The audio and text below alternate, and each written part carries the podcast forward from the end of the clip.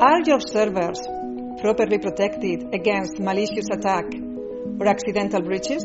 Is your physical data security, including access control, GDPR compliant?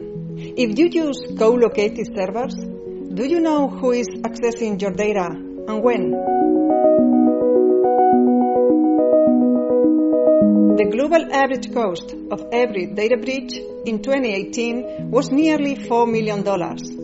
And if you already suffer a data breach, you are 28% more likely to suffer a second one within two years.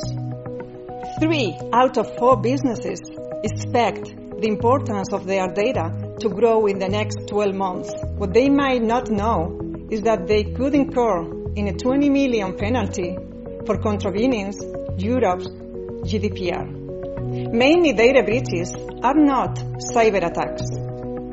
They do not need sophisticated programming skills. Download our white paper on physical data center security now and learn 12 tips to increase protection.